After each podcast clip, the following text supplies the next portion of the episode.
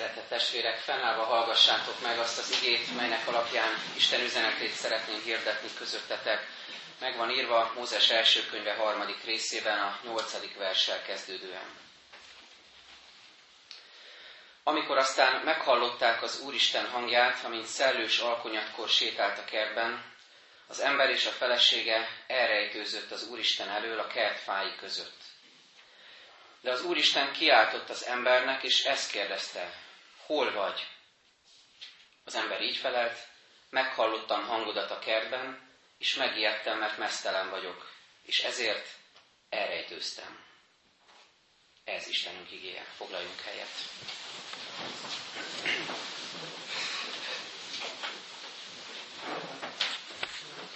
Ma kezdődik a házasság hete rendezvény sorozata országszerte sok-sok előadáson, különböző rendezvényeken vehetünk részt, és ehhez kapcsolódunk mi is ma a gyülekezetben. Egyrészt a házaspárok megáldásával itt az úrasztalánál, másrészt majd a szeretet vendégségen a családi bizonságtételben is. Két gyerek idézetet találtam, hogy a gyerekek meglátásai mindig nagyon érdekesek a világ különböző dolgaival kapcsolatban, így például a házasság kapcsán is. Az egyik kérdés, amit föltettek gyerekeknek, hogy mi jobb, egyedülállónak lenni, vagy házasnak? És az egyik válasz így szól, egy kilenc éves kislány válasza. A lányoknak jobb egyedül, de a fiúknak nem. Még nincs vége, és a lényeg. A lányoknak jobb egyedül, de a fiúknak nem. A fiúknak kell valaki, aki feltakarít utánuk aki találva érzi magát, az talán nem a véletlen műve, felnőtt korban is. Na, de folytassuk, a másik kérdés pedig így szólt, hogyan dolgoznál egy házasságért? Tehát mit tennél a házasságodért, majd ha lesz? Tíz éves kisfiú válasza. Azt kell mondani a feleségednek, hogy szép, ez is idáig még nagyon jól hangzik, tehát azt kell mondani a feleségednek, hogy szép, még akkor is, amikor úgy néz ki, mint egy kamion. Hát nem tudom, hogy miért volt kamion, ez lehet mozdony is, meg fel lehet serélni bármivel. A lényeg, hogy nem mondjunk ilyet a feleségünknek, ne is gondoljunk ilyet róla. De az biztos, hogy különböző élethelyzetekben látjuk egymást, és akik a legközelebb állnak egymáshoz, legjobban szeretik egymást, az elfogadják akkor is, hogyha én vagy ő kamionnak néz ki, akkor is szeretjük egymást, és akkor is dolgozunk a házasságunkért, hogy ez valóban boldog legyen és örömteli. Tehát a gyermekek így, többek között így is látják a világot. Minden esetre az jutott eszembe erről a gyermeki lelkületről, hogy valahogy az édenkerti alapélmény az, az nagyon gyermeki lelkülettel, gyermeki szinten, és nagyon ősi módon mindannyiunk sajátja. Az, hogy ott voltunk egyszer az édenkertben. És ott valahogy minden olyan harmonikus, minden olyan szép, minden olyan egyértelmű volt, és azt gondolom, hogy az édenkerti jelenet és ezek a leírások nem csupán egy emberpárról szólnak, és amit ma olvastunk, az sem csupán egy házaspárról szól, és nem csak egy házaspára vonatkozóan rögzíti a, a, a történéseket, hanem, hanem inkább azt mondja el, hogy mire lettünk teremtve, mire lett megteremtve, megalkotva az ember. És ez pedig a következőképpen fogalmazható meg, mire lettünk teremtve, zavartalan, tiszta, őszinte, szent, igaz kapcsolatra egymással, Istennel, a teremtett világgal, vagyis a természettel és önmagunkkal nem utolsó sorban. Tehát ez egy, egy csodálatos, egy sokat ígérő kép, egy, egy sokat ígérő történetnek a, a felütése, nyitánya, és aztán látjuk, hogy ez, ez milyen hamar összetörik ez a, ez a csodálatos kép. De az, hogy összetörik ez a csodálatos kép a bűneset következtében, az még inkább arra sarkalja az embert a lelkeméjén, hogy, hogy visszavágjon ebbe az állapotba. Az, hogy összetört a kép, az, azt nem úgy konstatáljuk, hogy összetört, hát most már így élünk, hanem a szívünk mélyén ott van a vágy, hogy mi szeretnénk újra átélni ezt az édeni állapotot, vágyunk vissza ebbe az állapotba. És tulajdonképpen itt jön az evangélium lényege, hogy Krisztus éppen azért jött el a világra, hogy ezt, a, ezt az összetört képet, ezt a megtört jónak induló helyzetet helyreállítsa Isten és ember között elsősorban Krisztus által, ember és ember között, közötted és köztem, az ember és a teremtett világ között, ez is fontos része ennek, és az emberrel, az embernek önmagával is helyre, helyre szeretné állítani a kapcsolatát. Ma az embernek kétféle állapotáról szeretnék szólni közöttetek ige kapcsán, és arról, hogy, hogy hogyan jött el Jézus, hogy helyreállítson bennünket, és hogy az egyik állapotból eljutasson a másikba bennünket. És ez a két állapot a következő. A lelki mezítelenségnek a szégyen teljes állapota, hogy itt látjuk az igében, és a másik pedig szintén a lelki mezítelenségnek a felszabadító állapota. Hogyan juthatunk el az egyikből a másikba. Nézzük tehát az elsőt, a lelki mezítelenség szégyen teljes állapota. A kiinduló pontunk tehát az, az ember nagy, messze évelő történetében a bűneset, az engedetlenség pillanata. Azt látjuk, hogy innentől kezdve a mezítelenség az, az nem volt természetes az ember számára. Mert mi volt előtte?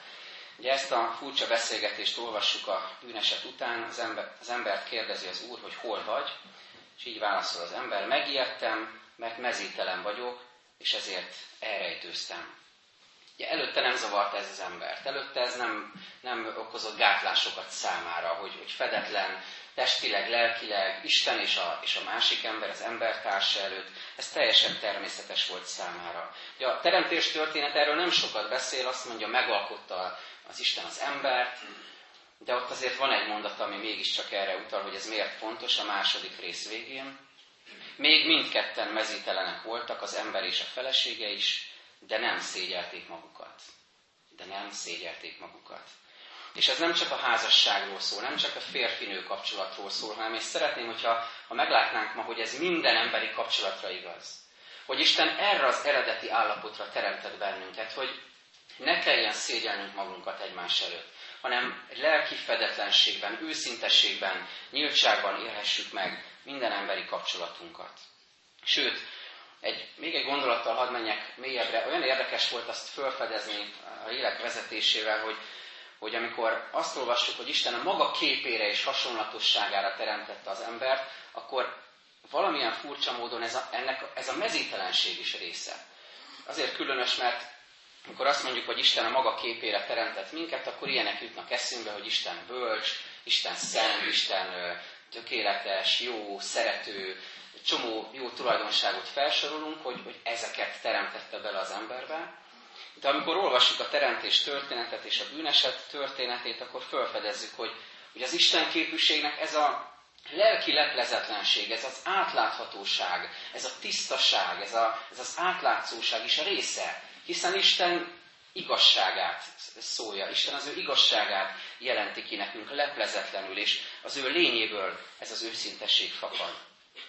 Ezt Mózes így fejezi ki, 120 évet leélve, az életét összegezve, már a halára készülve az énekében, azt mondja, kőszikla ő, tetteiben tökéletes, mert igazságos minden útja. Hű az Isten, nem hitszegő, igaz és egyenes ő. Ezt mondja Mózes tehát, és valóban így látjuk Istent, ilyen egyenesnek és tökéletesnek. Tehát erre a képre formált bennünket Isten, eredetileg bennünk volt ez az őszintesség. Itt azonban a bűneset következtében valami megtörik az emberben. Valami fordulat történik.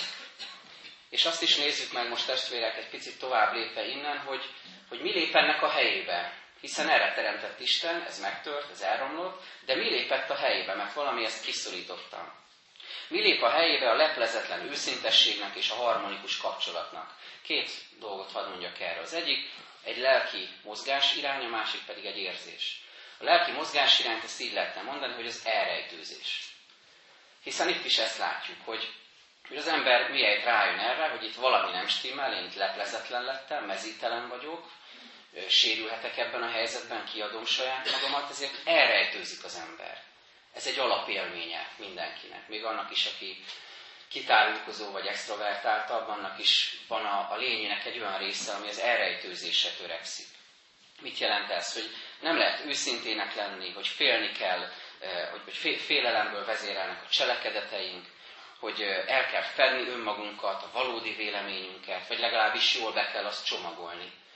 Ugye erről az jutott eszembe, van az a játék, amikor valaki ajándékot akar adni eh, másik embernek, és, és egészen pici dobozba beleteszi, azt egy nagyobba, azt egy még nagyobba, és így tovább, és egy hatalmas doboz szép csomagba, becsomagolva, szalaggal átkötve átnyújt.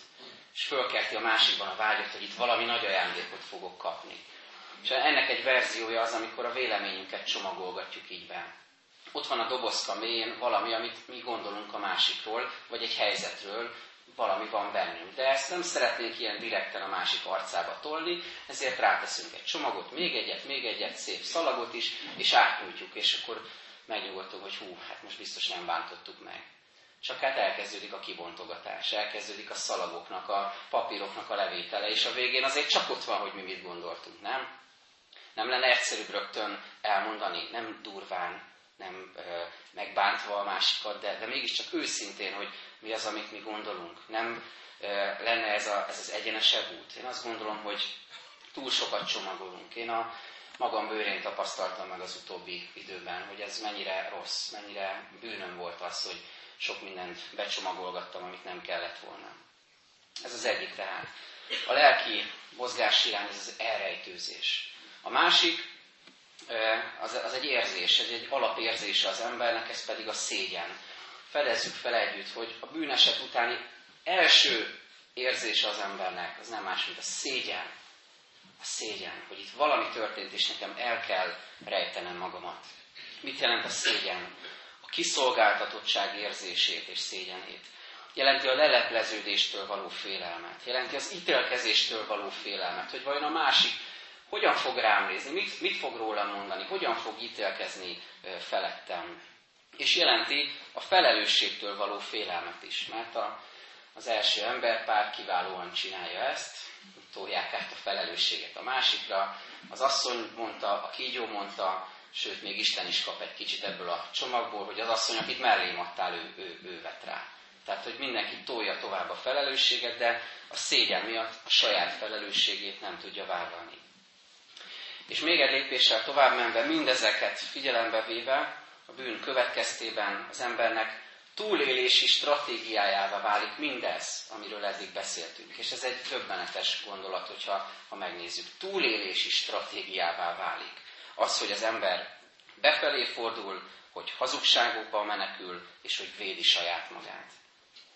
Megúszásra játszunk sokszor, tisztelet a kivételnek, és bocsánat, ha valakit ez nem érint, én azt látom, hogy sokszor megúszásra játszunk, hogy kikerüljük a nagyobb konfliktusokat, buktatókat, és, és inkább a szégyen miatt és az elrejtőzés miatt befelé fordulunk ilyen tekintetben. És ezeknek a hatása, mindezeknek a hatása beláthatatlan az emberi kapcsolatokra. Ennek a hatása romboló, szétziláló, távolító és elhidegítő lehet. Most nem csak a házasságokról beszélek, hanem minden emberi kapcsolatról. Most, amikor eljutottunk ide, ez egy nagyon nehéz pillanat, és ígérem, hogy innen már csak fölfele megyünk. Tehát ez, ez, a, ez a diagnózis, ahova most eljutottunk, ezt azért volt fontos látni, hogy, hogy erre ráragyoghasson az evangélium. Tehát ilyen az ember, ilyen az ember Isten nélkül. Ilyenek vagyunk, amikor a szégyenünkben forgunk. És akkor erre rávetül az evangélium üzenete, és szeretném, ha most erre koncentrálnánk már, és erre tekintenénk mindannyian. Mert az az örömhír, testvérek, hogy Jézus Krisztusnak a, a gyógyító kegyelme átformálhat minket személyesen és a kapcsolatainkban egyaránt. Így olvastuk a, a lekcióban, a hosszabb igében, nincsen olyan teremmény, amely rejtve volna előtte. Sőt, mindenki mezítelen és fedetlen az ő szeme előtt. Másként fogalmazva az az örömhír, hogy Jézus Krisztusnak a megváltó ereje, felszabadító ereje által újra lehetsz az, aki vagy. Ez nem az önmegvalósítást jelenti, hogy aki akarsz lenni, és megvalósítod magad, és, és dolgozol magadon, és menedzseled magad, és kontrollálsz mindent. Nem az önmegvalósítást jelenti. Hanem az, hogy újra lehetsz az, aki vagy, önmagad lehetsz, az azt jelenti, hogy lehetsz az, akinek Isten elgondolt.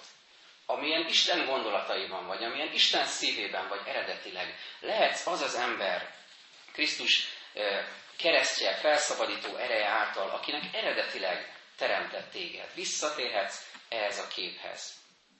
És ennek vannak örömteli következményei, amik persze sokszor nehezek, vagy nehéz ezeket megvalósítani, megrágni. De ezek a következők. Ennek az az egyik következménye, hogy, hogy vállalhatom önmagamat, hogy, hogy ez vagyok. És ez, ez, nem az a, ez, a, ez nem az a lemondó nyilatkozat magamról, hogy hát ez vagyok, már nem tudok változni, fogadd el, hogy ilyen vagyok. Hanem ez a, ez a felszabadító megvallása annak, hogy én ilyen vagyok. És én lehetek ilyen ebben a kapcsolatban, és nekem nem kell más embernek lennem, amilyennek esetleg te látnál szívesen, hanem én lehetek önmagam, olyan lehetek, amilyennek Isten megteremtett, és, és olyan jó egy ilyen kapcsolatban élni, ahol én is meg tudom ezt valósítani, és én is ezt sugárzom a másik felé. Én nem akarlak kicserélni egy másik emberrel, hanem látlak téged, elfogadom azt, hogy milyen vagy, tudom, hogy milyen hibáid és bűneid vannak, de mégis szeretlek, vállalhatom önmagam ebben a kapcsolatban. Aztán a másik, hogy vállalhatom a véleményemet is, amit az előbb már említettem a csomagolás kapcsán. És ezt is olyan jó megélni egy, akár egy házassági, vagy bármilyen más kapcsolatban, hogy ha nekem van egy véleményem, azt neked nem kell fenyegetésként átélned, azt neked nem kell támadásként meg, megélned, hanem elfogadhatod, hogy én erről a kérdésről így gondolkozom. Te meg amúgy, és e, erről folytathatunk egy, egy érdemi beszélgetést. A házas körben beszélgettünk a e, néhány alkalom, e, alkalmon keresztül a Házas Párbaj című könyvről, ami pont erről szól itt az iratterjesztésben is azt hiszem lehet kapni, hogy hogy nem az a cél egy, egy házasságban és bármilyen kapcsolatban, hogy legyőzzük a másikat. Hogy fölé kerekedjünk, hogy bizonyos helyzetekben megmutassuk, hogy, hogy ki, ki itt az erősebb, és, és ki, kinek a szava érvényesül. Hanem vállalhatom a véleményemet, és te is szabadon. Aztán a következő következmény, hogy, hogy vállalhatom a, a tökéletlenségemet, és, és merhetek hibázni. Visszaemlékszem egy általános iskolás osztálytárs nőmre, kislány, 7-8 évesen tanulunk írni, és elrontott egy betűt, egy írásgyakorlatnál, és zokogásban tört ki, és a tanítónéni ölében lehet vigaszra, és ott perceken keresztül kellett nyugtatgatni, hogy nincs semmi baj, hát egy betű nem a világ. És hogy felidézem magammal ezt az élményt, azt látom magam körül, hittanórákon, pedagógus ismerősökkel is beszélgetve, hogy, hogy rengeteg ilyen gyerek van, és akik itt vagyunk felnőttek, talán mi is ilyen gyerekek voltunk, hogy nem volt szabad hibázni. Ez nagyon durván hangzik. Azt gondolom, hogy ebben van felelősségünk szülőként, nagyszülőként, hogy, hogy milyen terheket teszünk a gyerekeinkre, meg magunkra is. Isten felszabadít, és azt mondja, hogy lehet hibázni. Lehet jól hibázni, inkább így mondom, hogy, hogy a hibából tudjál tanulni, de ne ómolj össze alattam. És ne rettegj attól, hogy mi lesz, hogyha elrontasz valamit. Lehet hibázni. Van helye a hibáinknak is. Nem lehet tökéletesnek lenni. Vállalhatom tehát ezt is. Aztán vállalhatom a gyengességeimet, a könnyeimet is, mert ki az közülünk, aki mindig erős tud lenni, és mindig helyén való dolgokat tud mondani, és mindig sziklaszilárd tud lenni, és egy könyv sem csordul ki a szeméből. Vállalhatom ezt is. Vállalhatom tovább a múltamat, a sebeimet, a törékenységemet, azt, aki voltam, és a, aki, aki, akit formált Isten, és, és vállalhatom azt is, aki lettem Isten kezében. És végül, de talán tényleg nem utolsó sorban vállalhatom a kinézetemet is. Ez manapság egy sláger téma, hogy ki hogy néz ki, milyen gondot fordít az izomzatára, a, a ruházatára, a sminkére, stb. Sokan nagy hangsúlyt fektetnek erre, de én most ebből a szemszögből mondom, hogy hogy vállalhatom azt is visszaidézve magunkban a gyerek idézetet, hogyha kamionnak nézek képpen. Mert most, mert ilyen napom van, igen, fogadd el, most kamion vagyok. Most nem vagyok tökéletes, most nincs rajtam az a, az a szépség, ami, amit te látnál szívesen. Ezt is vállalhatom, és ezzel együtt is ott lehetünk Isten szín előtt örömben, boldogságban. És mindenről eszembe jutott egy film, amit nemrégiben láttunk a családdal, a gyerekekkel, az a cím az Igazi Csoda egy torz ö, arcú kisgyermekről szól, aki egy genetikai ö, hiba következtében ö, olyan arccal születik, ami, hát ami nagyon, nagyon csúnya, így objektíven nézve, ránézve, és nagyon sok plastikai műtéten megy keresztül, hogy valahogy kinézzen, de még akkor is nagyon, nagyon szégyelli magát. És úgy megy ki az utcára, hogy egy, egy, egy űrhajós sisakot vesznek neki a, a, a szülei, mint sötétített plexiüveg van, és csak így hajlandó kimenni az emberek közé. És döbbenetes azt hallani, hogy azt mondja, hogy számára az a, az a leg, legjobb nap, amikor mondjuk állarcos bál van. Ez Amerikában játszódik, ott Halloween, ugye fölöltöznek különböző jelmezekbe, és azt mondja, hogy számára az a leg, legjobb nap, amikor, amikor állarcos bál van, mert akkor úgyse látja senki, mert állarcot vehet föl.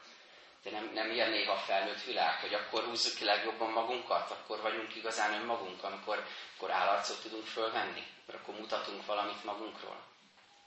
De a, amit szeretnék ezzel kapcsolatban mondani, ez két mondat, amit a szülei mondanak neki, és ez a legfontosabb. Amikor ő zokog, amikor maga alatt van, hogy ő szégyeli magát, ő nem akarja, hogy ilyennek lássák az emberek, ő meg akar változni, de nem tud, akkor az édesapja azt mondja neki, én nagyon szeretem az arcod, mert ez a kisfiam arca.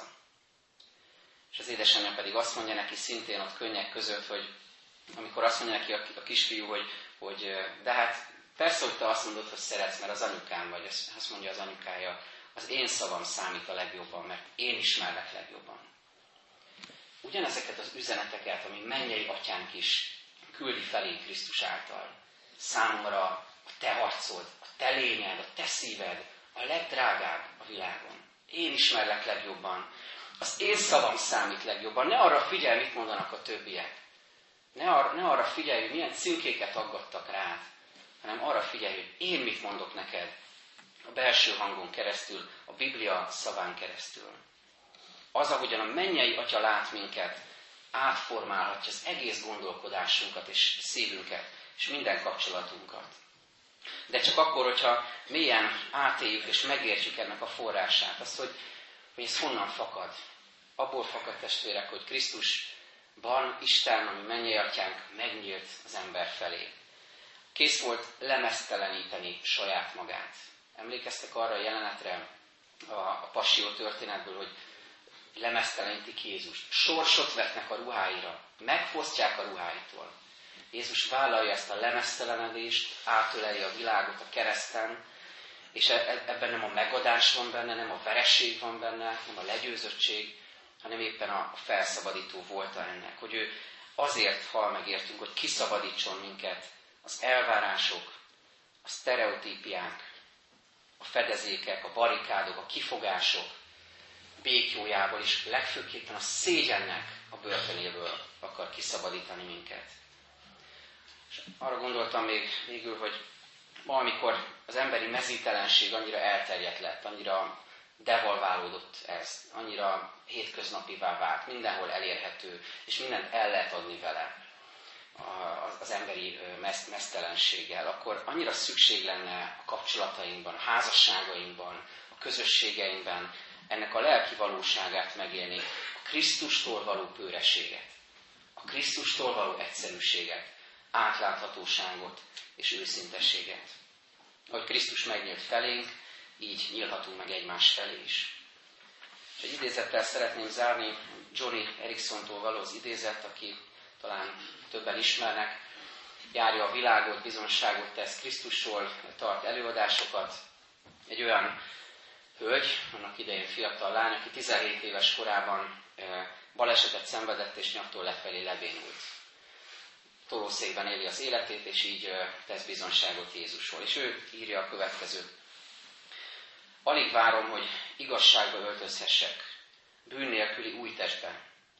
Igen, csodálatos lesz állni, nyújtózkodni, kinyújtani karomat az ég felé. De sokkal csodálatosabb lesz, hogy tiszta dicsőítést ajánlhatok fel. Nem nyomorít többé semmilyen figyelemelterelés. Nem bénít őszintétlenség. Nem korlátoz a félszívűség lagymatagsága. Szívem csatlakozik a többiekhez, és buzog belőle az imádat. Végre teljes közösségben lehetünk majd az atyával és a fiúval. Számomra ez lesz a legjobb a mennyben. Hogyha ezeknek csak egy apró részletét is felfedezzük, megéljük, itt már a Földön, a kapcsolatainkban, ez a menny előíze. Ezt kínálja nekünk ma is Jézus. Amen. Csöndesedjünk el, és imádkozzunk először magunkban.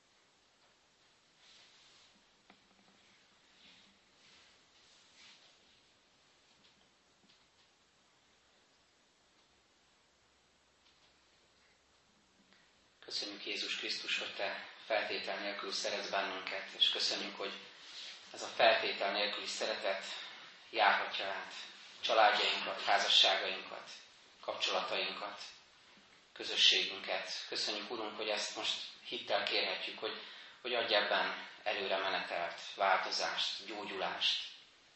Könyörgünk, Urunk, és elsősorban a házaspárokért, itt a gyülekezetünkben, a környezetünkben, családjainkban, hogy légy mindannyiunk házasságának a pásztorolója, Te vigyázz bennünket a támadásoktól, óvj bennünket a kísértésekben, vigyázz ránk, hogy hűségben kitarthassunk egymás mellett, és, és dolgozzunk valóban a házasságunkon. Köszönjük, Urunk, hogy ehhez kérhetjük a Te jelenlétedet, szent lelked erejét naponként. Urunk, könyörgünk azokért, akik házasság előtt állnak, és vágynak arra, hogy tőled rendelt társat találjanak. Kérünk, hogy, hogy mutasd meg nekik szent lelked által, sigéd által, hogy ki ez a hozzájuk illő segítőtárs, és enged, hogy a fiataljaink tudjanak várni, tudjanak tisztaságban készülni a házasságra, és tudják, tudjanak jó példákat látni a családban is, itt a gyülekezetben is erre. És ezért hálát adunk azokért a házaspárokért, akik hosszú évtizedek óta kitartanak egymás mellett, hűségben, szeretetben, rátfigyelésben, és ezzel valóban jó példát adnak mindannyiunknak. Úrunk, hálát adunk azokért a testvéreinkért, akik már nincsenek közöttünk, és könyörgünk a megözvegyült testvéreinkért. Könyörgünk azokért, akik egyedül maradtak, és akik háladással emlékeznek vissza elveszített társukra. Urunk, és könyörgünk azokért a testvéreinkért is itt a gyülekezetben is, és a környezetünkben is, akik válláson mentek keresztül, és ennek a terhét, ennek a sebét, fájdalmát hordozzák. Kérünk, hogy adj nekik gyógyulást, felépülést, új kezdetet, lehetőséget, hogyha az tőled való, és enged, hogy, hogy ebben is rád figyelve tehessenek mindent. És kérünk, Urunk, azokért is, akiknek nem adtál társat, és így élnek le egy egész életet, hogy a veled való közösségben mégis megélhessék, hogy nem társtalanok, nincsenek egyedül. Urunk, hálát adunk azért, hogy hittel kérhetjük, hogy Te légy családjaink, közösségünk, gyülekezetünk és nemzetünk oltalmazója. Engedd, hogy valóban megbecsült lehessen a házasság mindannyiunk előtt, ahogy az ige mondja, és legfőképpen pedig arra kérünk, hogy a veled való kapcsolatban mélyíts el mindannyiunkat. Amen. Ti azért így imádkozzatok, mi atyánk, aki a mennyekben vagy, szenteltessék meg a te neved, jöjjön el a te országod, legyen meg a te akaratod, amint a mennyben, úgy a földön is. Minden napi kenyerünket add meg nékünk ma, és bocsáss meg a mi védkeinket, miképpen mi is megbocsátunk az ellenünk védkezőknek. És ne vidd minket kísértésbe, de szabadíts meg minket a gonosztól, mert Tiéd az ország, hatalom és a dicsőség mind örökké. Ámen. Fennállva énekeljük nemzeti imádságot.